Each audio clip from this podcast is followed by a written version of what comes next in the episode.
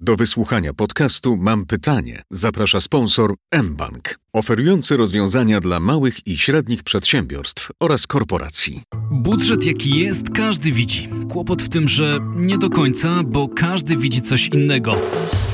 Jedni twierdzą, że wszystko jest w porządku i stać nas na każdą obietnicę, inni alarmują, że przez galopujące wydatki wpadniemy zaraz w przepaść albo jak kto woli, w dziurę budżetową. Czym w ogóle są finanse publiczne i jak się do nich ma budżet państwa? Czy taki budżet rządzi się tymi samymi prawami, co nasze małe domowe budżety? No i wreszcie skąd w ogóle rząd ma pieniądze i czy te pieniądze mogą mu się skończyć? Mam pytanie, Tomasz Setta, zaczynamy.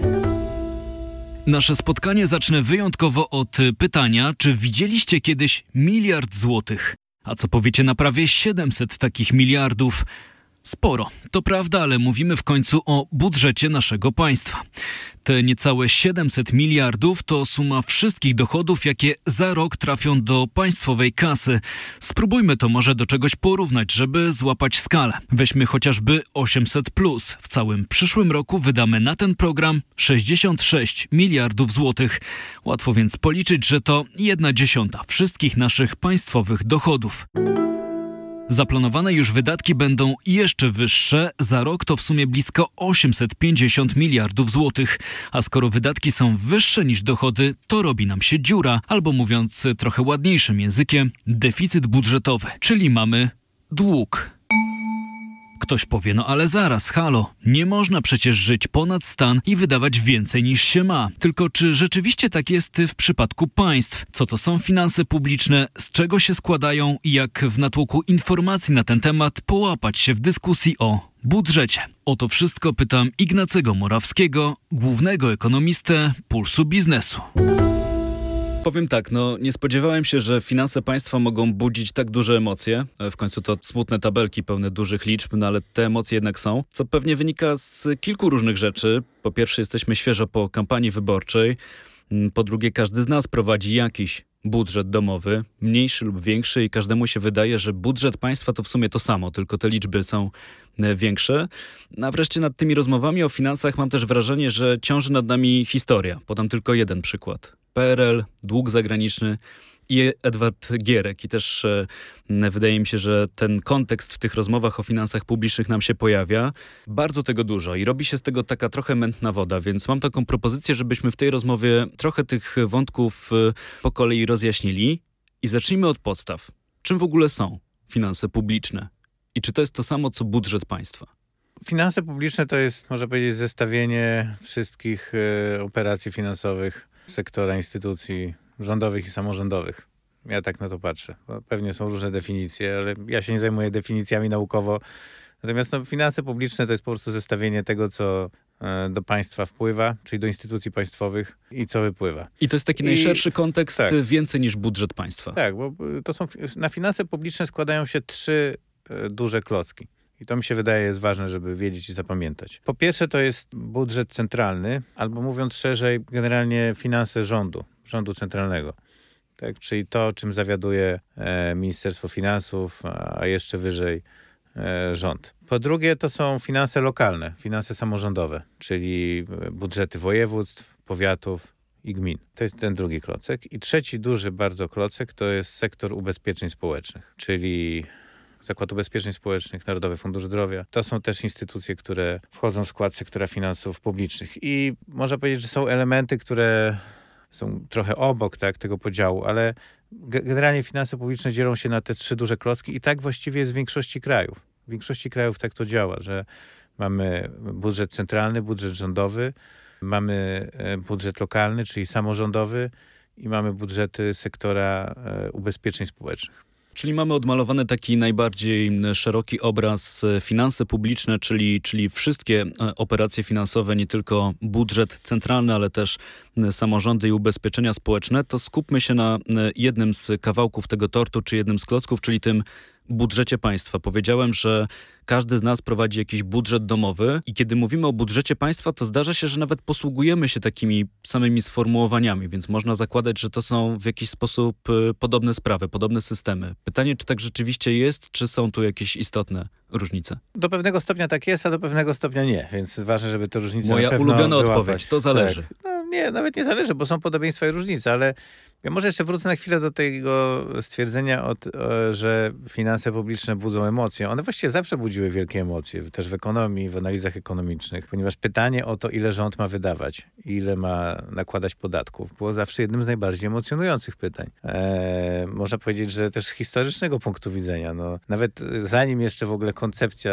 finansów publicznych e, i ta nazwa zaczęła funkcjonować, to, e, to ile władca zbierał podatków od poddanych zawsze było elementem bardzo e, żywych dyskusji, a powiedziałbym nawet, że często może konfliktów i wojen. Więc e, pytanie o to, ile państwo ma zebrać podatków i na co ma wydać pieniądze, jest tak naprawdę jednym z centralnych pytań rozważań ekonomicznych i zawsze było. I teraz pyta pan o to, czy budżet państwa jest taki jak budżet domowy. No do pewnego stopnia tak, no bo to jest zestawienie dochodów, wydatków i tego, ile musimy zaciągnąć długu, jeżeli mamy za mało dochodów, albo ile oszczędzimy, jeżeli mamy tych dochodów za dużo w stosunku do wydatków. Więc są pewne podobieństwa. No każdy myśli w tych kategoriach, ile zarabiam, ile wydaję, czy mi się to spina. No i do pewnego stopnia państwo też myśli podobnie, aczkolwiek są też bardzo istotne różnice. Właściwie dwie. Pierwsza różnica jest taka, że przeciętny człowiek żyje jakieś 80 lat, a państwo ma dużo dłuższą perspektywę. No, polskie państwo też nie jest bardzo stare, bo ma 100 lat i przechodziło wiele turbulencji. Tak, ale w myśleniu, ale w teorii, w teorii nasze państwo powinno funkcjonować bardzo, bardzo, bardzo długo, dłużej niż żyje przeciętny człowiek. Czyli co, patrzy dalej, może więcej? Tak, patrzy dalej, może więcej, więc konsekwencją tego jest to, że państwo nie musi spłacić swojego długu. Człowiek jak zaciągnie dług, no to powinien go spłacić. Inaczej będą to spłacać dzieci. Ale generalnie jak bank udziela nam kredytu, to raczej liczy, czy my jesteśmy w stanie to spłacić w ciągu naszego życia. Tak? Ale to moment, moment. Co to znaczy, że nie musi spłacać? Bo to często w tej debacie państwo? o finansach publicznych słyszymy, dług publiczny w Polsce dynamicznie rośnie. Państwo, pan, pani, wasze dzieci będziecie musieli to e, spłacić. To jak to jest?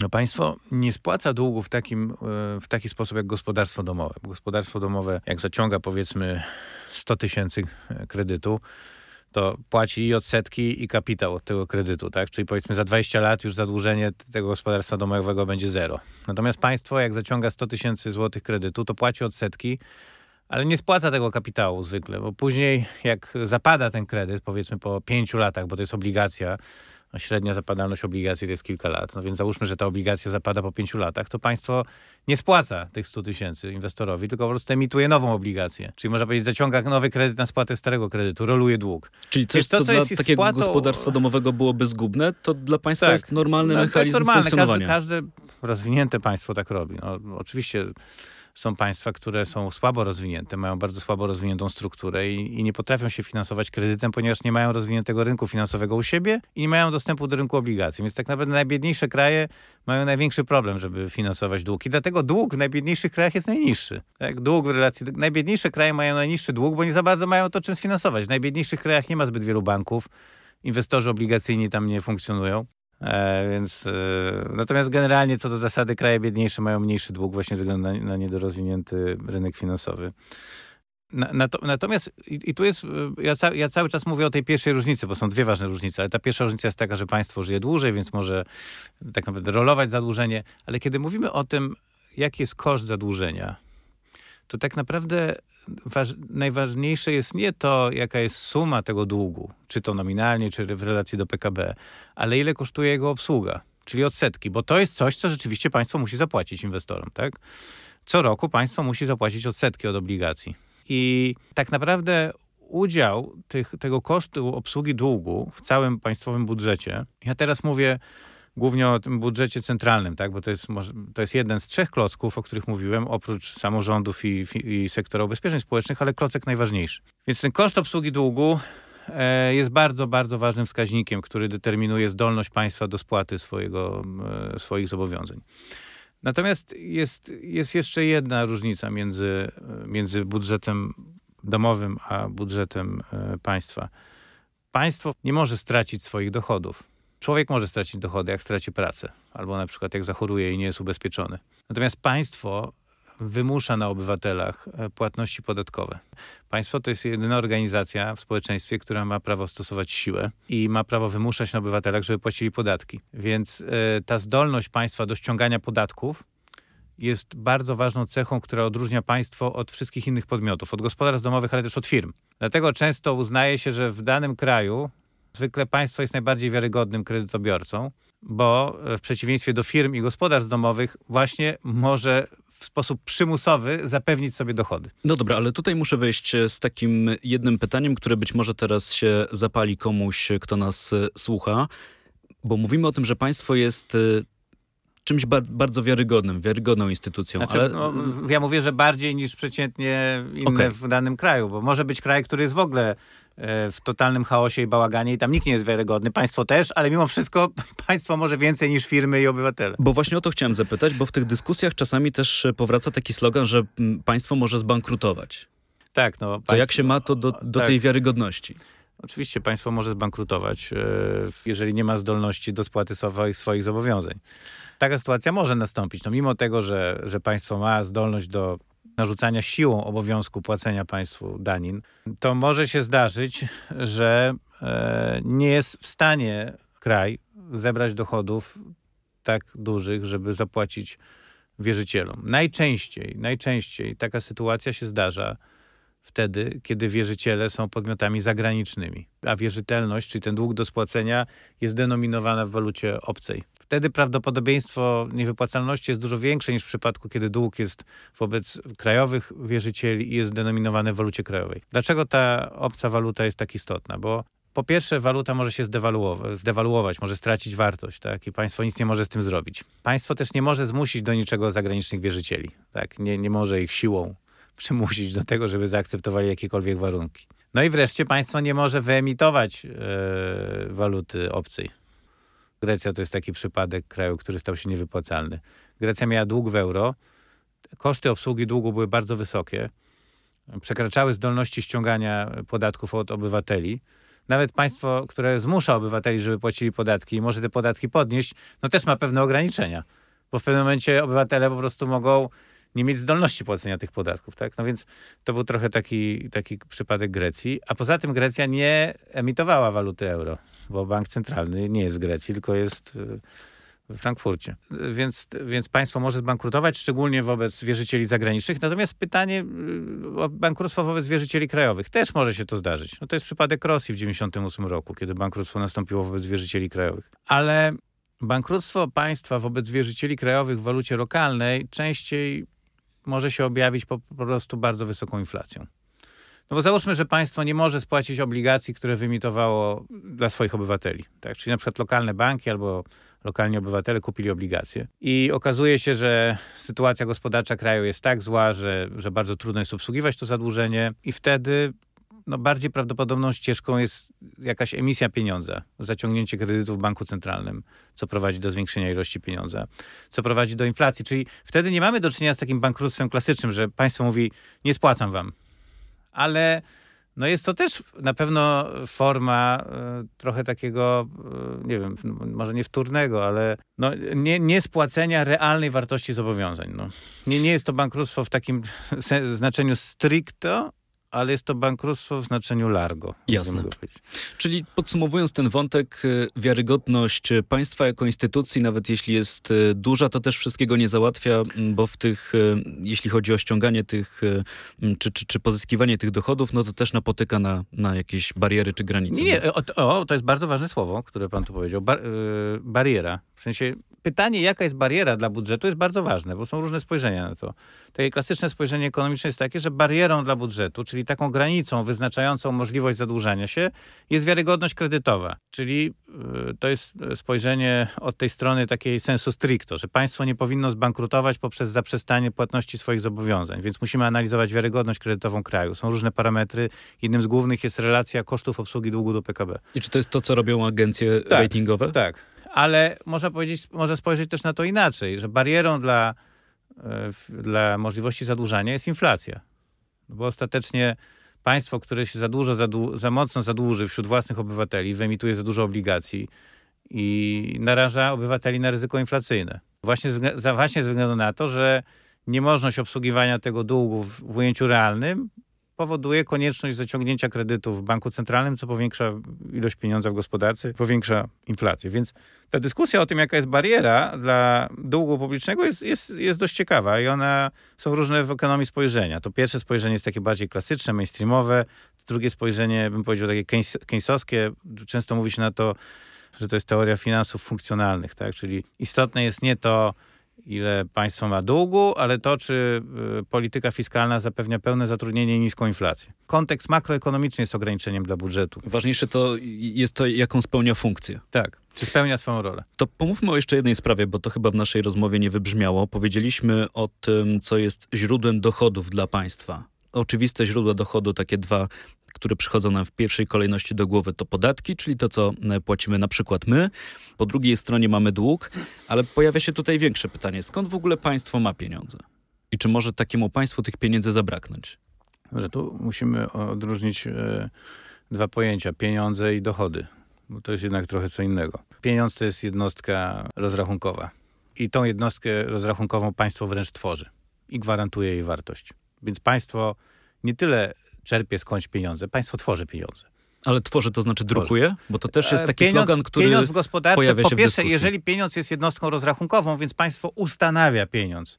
Pieniądz pełni wiele funkcji. Jest jednostką rozrachunkową, ale jest też środkiem płatniczym. Jeżeli weźmiemy pieniądz jako środek płatniczy, to możemy mieć gotówkę i to drukuje bank centralny ale mamy też y, depozyty. W nowoczesnej gospodarce 90% zasobów pieniądza stanowią depozyty, a depozyty tworzą banki komercyjne. Więc można powiedzieć, że pieniądz jako środek płatniczy jest tworzony zarówno przez państwo, jak też banki komercyjne. Bo stąd było moje pytanie, czy e, Natomiast... pieniądz powstaje w ten sposób, że go drukujemy, czy to jest też tak, że, i to jest chyba ta druga odpowiedź, że to jest czasami po prostu zapis elektroniczny? Pieniądz to jest jednostka rozrachunkowa po pierwsze, po drugie środek płatniczy, jako środek płatniczy powstaje w ramach e, generowania zobowiązań w gospodarce, e, czyli w ramach akcji kredytowej. Tak? Wygląda to w ten sposób. Idzie pan do banku, bierze pan 100 tysięcy złotych kredytu i gdzie, gdzie ten kredyt pan ma? Gdzie pan go widzi?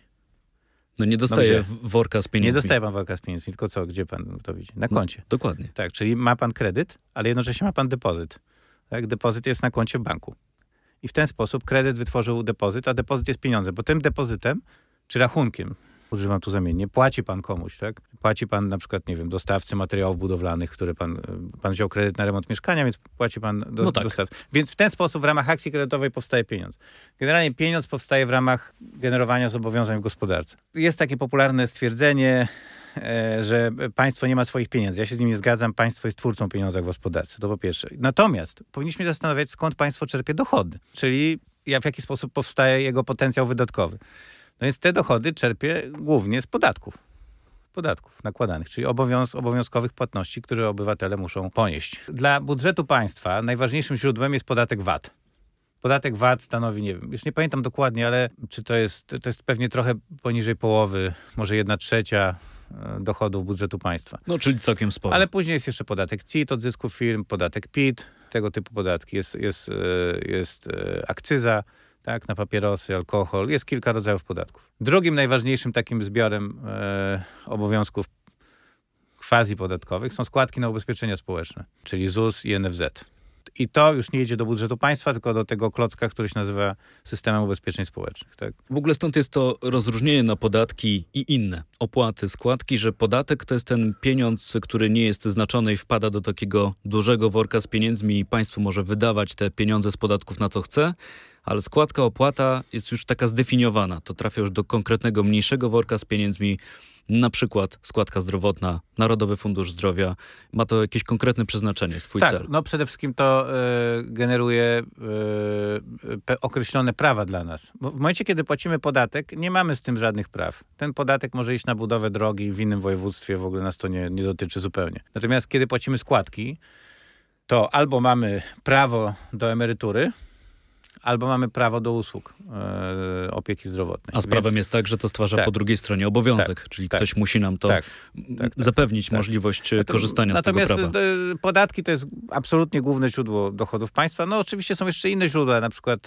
dywidendy. Tak? Państwo jest właścicielem spółek wielu, więc czerpie dywidendy z tych spółek ale podatki to jest najważniejsze. I, I, tych podatków najczęściej państwu nie starcza, żeby sfinansować w, w swoje wydatki. To jakby jest cecha większości państw. Więc państwo emituje też dług, e, obligacje po to, żeby e, mieć mm, jakby do, można powiedzieć w takim obrazo, obrazowym ujęciu zasypać tą dziurę i zamknąć jakby, domknąć budżet. Dziura budżetowa, czyli deficyt, czyli sytuacja, kiedy państwo, mówiąc tak obrazowo, najprościej wydaje więcej niż zarabia. Tak, niż tak, jest w stanie tak, zarobić. tak. Państwo wydaje więcej, inaczej inaczej, państwo wydaje więcej niż czerpie z dochodów mm, podatkowych i innych dochodów, tak? Mhm. Czyli dochody państwa są mniejsze niż wydatki. To generalnie dochody większości państw są mniejsze niż wydatki, chyba że są państwa bardzo biedne, tak jak powiedziałem, które nie mogą wyemitować obligacji, bo nikt tych obligacji nie kupi, albo nie mogą zaciągnąć kredytu, bo nie ma instytucji, które by tego kredytu udzieliły. Czyli dobrze rozumiem, że jak ktoś widzi w budżecie, na przykład w polskim budżecie, tak zwaną dziurę budżetową, czy, czy, czy ten deficyt, te różnice pomiędzy wydatkami a, dochod a dochodami, rozumiem, że to nie jest problem sam w sobie, że to jest do pewnego stopnia normalne. To jest normalna sytuacja. Większość krajów e, znajduje się w takiej sytuacji. Przy czym ja bym od, odróżnił tutaj dwie, dwie, dwie sytuacje. Tak? Żeby dobrze zanalizować sytuację państwa, to trzeba od, od, oddzielić jeszcze koszty obsługi długu. I to jest dosyć istotny wskaźnik, czyli deficyt pierwotny tak zwany.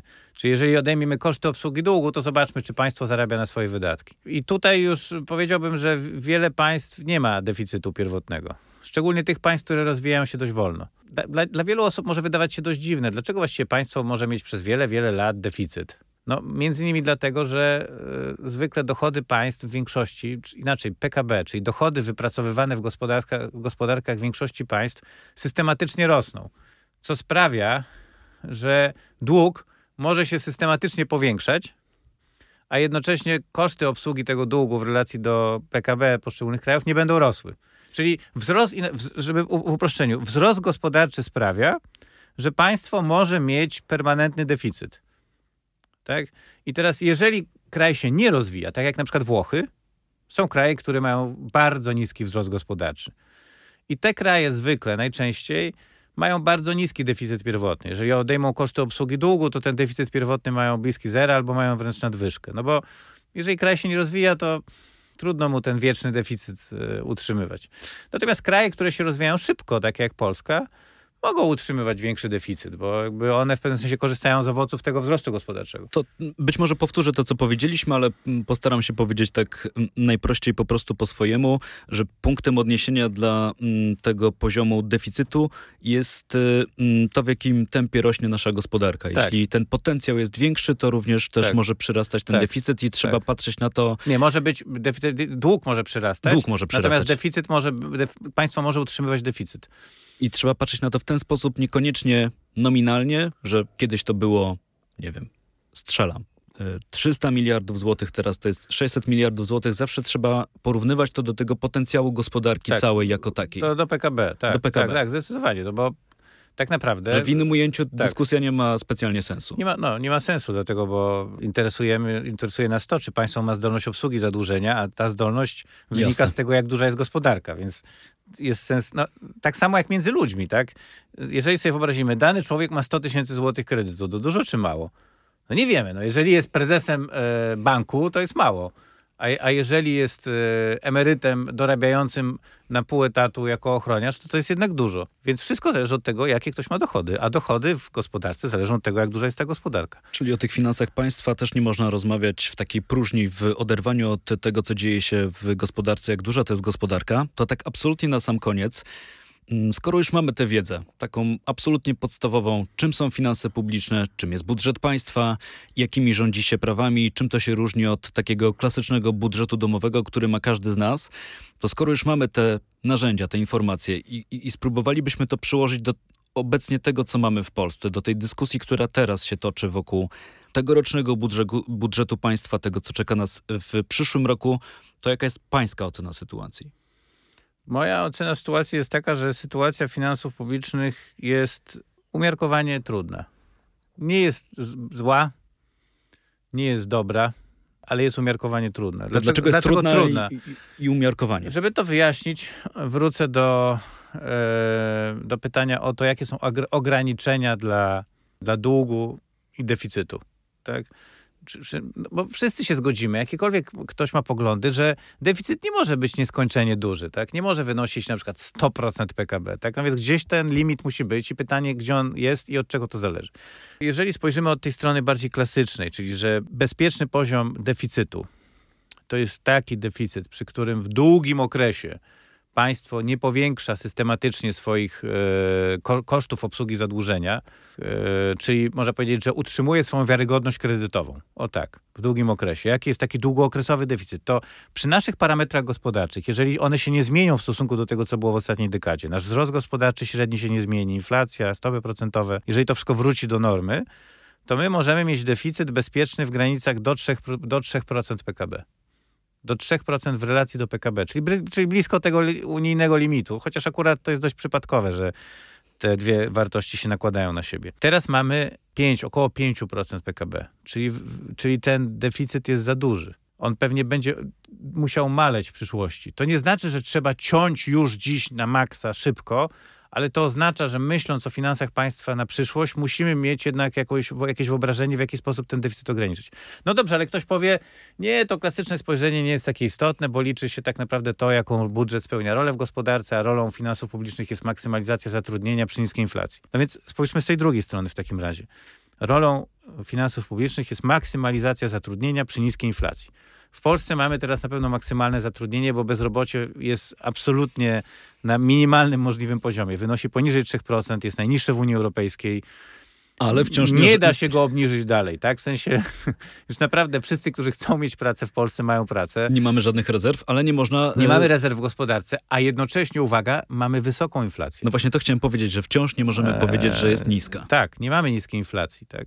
Skoro tak, skoro mamy pełne zatrudnienie, jak to się mówi, i nie mamy niskiej inflacji, to też dochodzimy do wniosku, że ten deficyt jest za wysoki, czyli że państwo za bardzo pompuje popyt w gospodarce. Więc moim zdaniem, z jakiejkolwiek perspektywy nie spojrzymy, deficyt fiskalny na poziomie 5% PKB to jest za dużo. Ja, prawdę mówiąc, sądzę, że z tym stwierdzeniem zgodziłaby się większość ekonomistów, czy z lewej, czy z bardziej konserwatywnej strony. Bo są ekonomiści, którzy uważają na przykład, że deficyt powinien być w długim okresie zerowy że dług jest zły i tak dalej. Ja się nie podpisuję pod tym, ale są tacy. Są tacy, którzy uważają, że w ogóle na deficyt nie powinniśmy za bardzo patrzeć, bo i, i liczy się właśnie pełne zatrudnienie i tak dalej. Ale moim zdaniem da się tych różnych ludzi połączyć, przynajmniej w stwierdzeniu, że dziś deficyt jest za duży, że 5% PKB to nie jest coś, co my możemy utrzymać przez wiele, wiele, wiele lat. Więc wydaje mi się, że stoimy przed wyzwaniem tego, w jaki sposób ten deficyt obniżyć przy jednoczesnej realizacji bardzo wielu obietnic wyborczych i moim zdaniem to będzie trudne. Trudne. Będzie to wymagało godzenia wielu pomysłów, interesów, oczekiwań e, i na pewno będzie wywoływało wiele emocji i konfliktów. Czyli od emocji zaczęliśmy, jeśli chodzi o finanse i na emocjach kończymy i też tak trochę ekumenicznie zobaczymy, czy ci, którzy nas słuchają, rzeczywiście wszyscy by się pod tym ostatnim wnioskiem podpisali. No dobrze, czas na małe podsumowanie. Po pierwsze, jak słyszycie, sytuacja państwowej kasy nie jest ani przesadnie zła, ani przesadnie dobra. Jest y, tu cytat umiarkowanie trudna. Po drugie, budżet państwa rządzi się trochę innymi prawami niż nasz domowy budżet. Państwa przynajmniej w teorii żyją dłużej od nas, a przez to mogą sobie na więcej pozwolić. Nie oznacza to, że rząd może się zadłużać w nieskończoność, y, wręcz przeciwnie. Ma tutaj pewne ograniczenia i musi je traktować poważnie, zwłaszcza jeśli potrzeby pożyczkowe rosną, a wraz z nimi rosną koszty obsługi zadłużenia, czyli mówiąc prościej odsetki. Wreszcie po trzecie skalę zadłużenia danego państwa trzeba zawsze porównywać do wielkości danej gospodarki. Rozmawianie o długu bez takiego kontekstu zwyczajnie nie ma sensu. Tyle teorii, a co w praktyce z nowym budżetem zrobi teraz nowy rząd, jak pogodzi te ograniczone możliwości z koniecznością spełnienia wyborczych obietnic, to już na szczęście nie nasze zmartwienie, tylko polityków. Dziękuję, że byliście z nami. Podcast przygotowali Olga Tanajewska i Tomasz Setta. Do usłyszenia. Do wysłuchania podcastu Mam pytanie. Zaprasza sponsor mBank, oferujący rozwiązania dla małych i średnich przedsiębiorstw oraz korporacji.